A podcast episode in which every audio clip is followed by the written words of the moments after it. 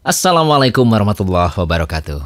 Kali ini kita akan mengenal tawabi, yaitu kelompok jabatan kata dalam kalimat yang tanda i'rabnya tidak mutlak. Berbeda dengan fa'il, mubtada, khobar yang mutlak harus marfu dan maf'ul bih yang harus mansub. Kelompok tawabi sesuai dengan artinya adalah pengikut.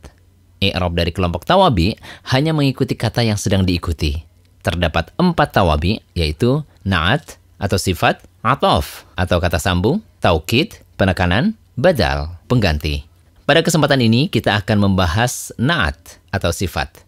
Untuk memberikan sifat pada sesuatu, di dalam bahasa Arab dikenal istilah naat atau sifat, man'ud atau mausuf. Naat atau sifat adalah sifat, sedangkan man'ud atau mausuf adalah kata yang disifati. Contohnya, Zaidun at-tawilu. Zaid yang tinggi. Maka Zaid adalah man'ud, sedangkan yang tinggi adalah Naat. Bila kita perhatikan, susunan naat man'ut tersebut mirip dengan susunan mutada khobar. Bila susunan di atas diubah menjadi Zaidun Pawilun. Dengan membuang al yang menandakan ma'rifat, maka maknanya menjadi Zaid itu tinggi. Artinya, ini merupakan kalimat sempurna dalam bentuk jumlah ismiyah. Adapun na'at man'ut hanya frase yang tidak memiliki makna kalimat yang sempurna. Ada kaidah-kaidah yang harus diperhatikan agar kita bisa membedakan mana susunan naat man'ut dan susunan mubtada khobar. Pertama, naat dan man'ut harus sama jenis. Bila man'utnya mudakar, maka naatnya juga harus mudakar. Sebaliknya jika man'utnya mu'anath, maka naatnya wajib mu'anath. Contoh mudakar, Zaidun talibun mahirun. Zaid adalah siswa yang pandai. Sedangkan bila mu'annath, Fatimatu tolibatun mahirotun. Fatimah adalah siswi yang pandai. Dua, naat dan manot harus sama jumlahnya. Bila manotnya mufrad, maka naatnya wajib mufrad. Begitupun bila manotnya musanna atau jamak, maka naatnya harus mengikuti jenis manotnya. Contoh mufrad, al-muslimul mu'minu imun.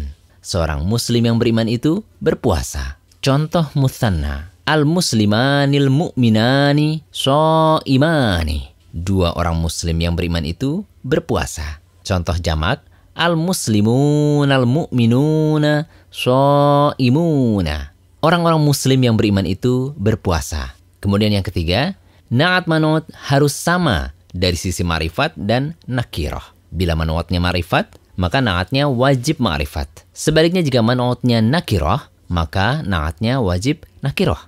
Contoh nakiroh. Hada rajulun tawilun. Ini adalah laki-laki yang tinggi. Hada hamidut tawilu. Ini adalah hamid yang tinggi. Yang keempat, naat dan manut harus sama dari sisi i'rab. Bila manutnya marfu, maka naatnya wajib marfu. Begitupun bila manutnya mansub atau majrur, maka naatnya harus menyesuaikan i'rab dari manutnya. Contoh ketika marfu, Ja'a Mahmudun an-nashitu. Ketika mansub, Ra'aitu Mahmudan an-nashita. Ketika majrur, Marartu bizaidin an-nashiti. Kesimpulannya, naat manot harus sama dari semua sisi. Berbeda dengan mubtada khobar yang hanya sama jenis dan bilangannya saja. Mari kita perhatikan tabel berikut ini untuk memahami penggunaan naat atau sifat dalam kalimat. Naat dengan jumlah mufrad Contoh kalimatnya, Aliyun al-jamilu tawilun. Ali yang ganteng itu tinggi. Kemudian, Asta'irul kitab al-jadida. Saya meminjam buku yang baru. Naat dengan jumlah tathniyah, contoh kalimatnya, Al-mudarrisanil mujtahidani mahironi. Kedua pak guru yang bersungguh-sungguh itu pandai. Kemudian, Ro'aitu talibataini ini. Aku melihat dua siswi yang rajin. Naat dengan jumlah jamak mudhakar salim. Contoh kalimatnya, Al-muslimun al-mu'minuna muhsinuna. Orang-orang Islam yang beriman itu berihsan. Kemudian, Ra'aitul muslimin al-musallina fil masjid. Saya melihat orang Islam yang sholat di masjid. Naat dengan jumlah jamak mu'annath salim. Contoh kalimatnya, Salatil muslimatus solihatu. Orang-orang muslimah yang solehah itu telah sholat. Kemudian, marortu bil mudarrisatil mahirati. Aku berpapasan dengan para guru yang pandai. Naat dengan jumlah jamak taksir. Contoh kalimatnya, Abdullabul jududu minal buldanil ba'idati. Para siswa yang baru itu dari negara-negara yang jauh. Kemudian, At-tujarul mujtahiduna aghniya'u. Para pedagang yang bersungguh-sungguh itu kaya. Berikut ini contoh Na'at dan Man'ut dalam Al-Quran.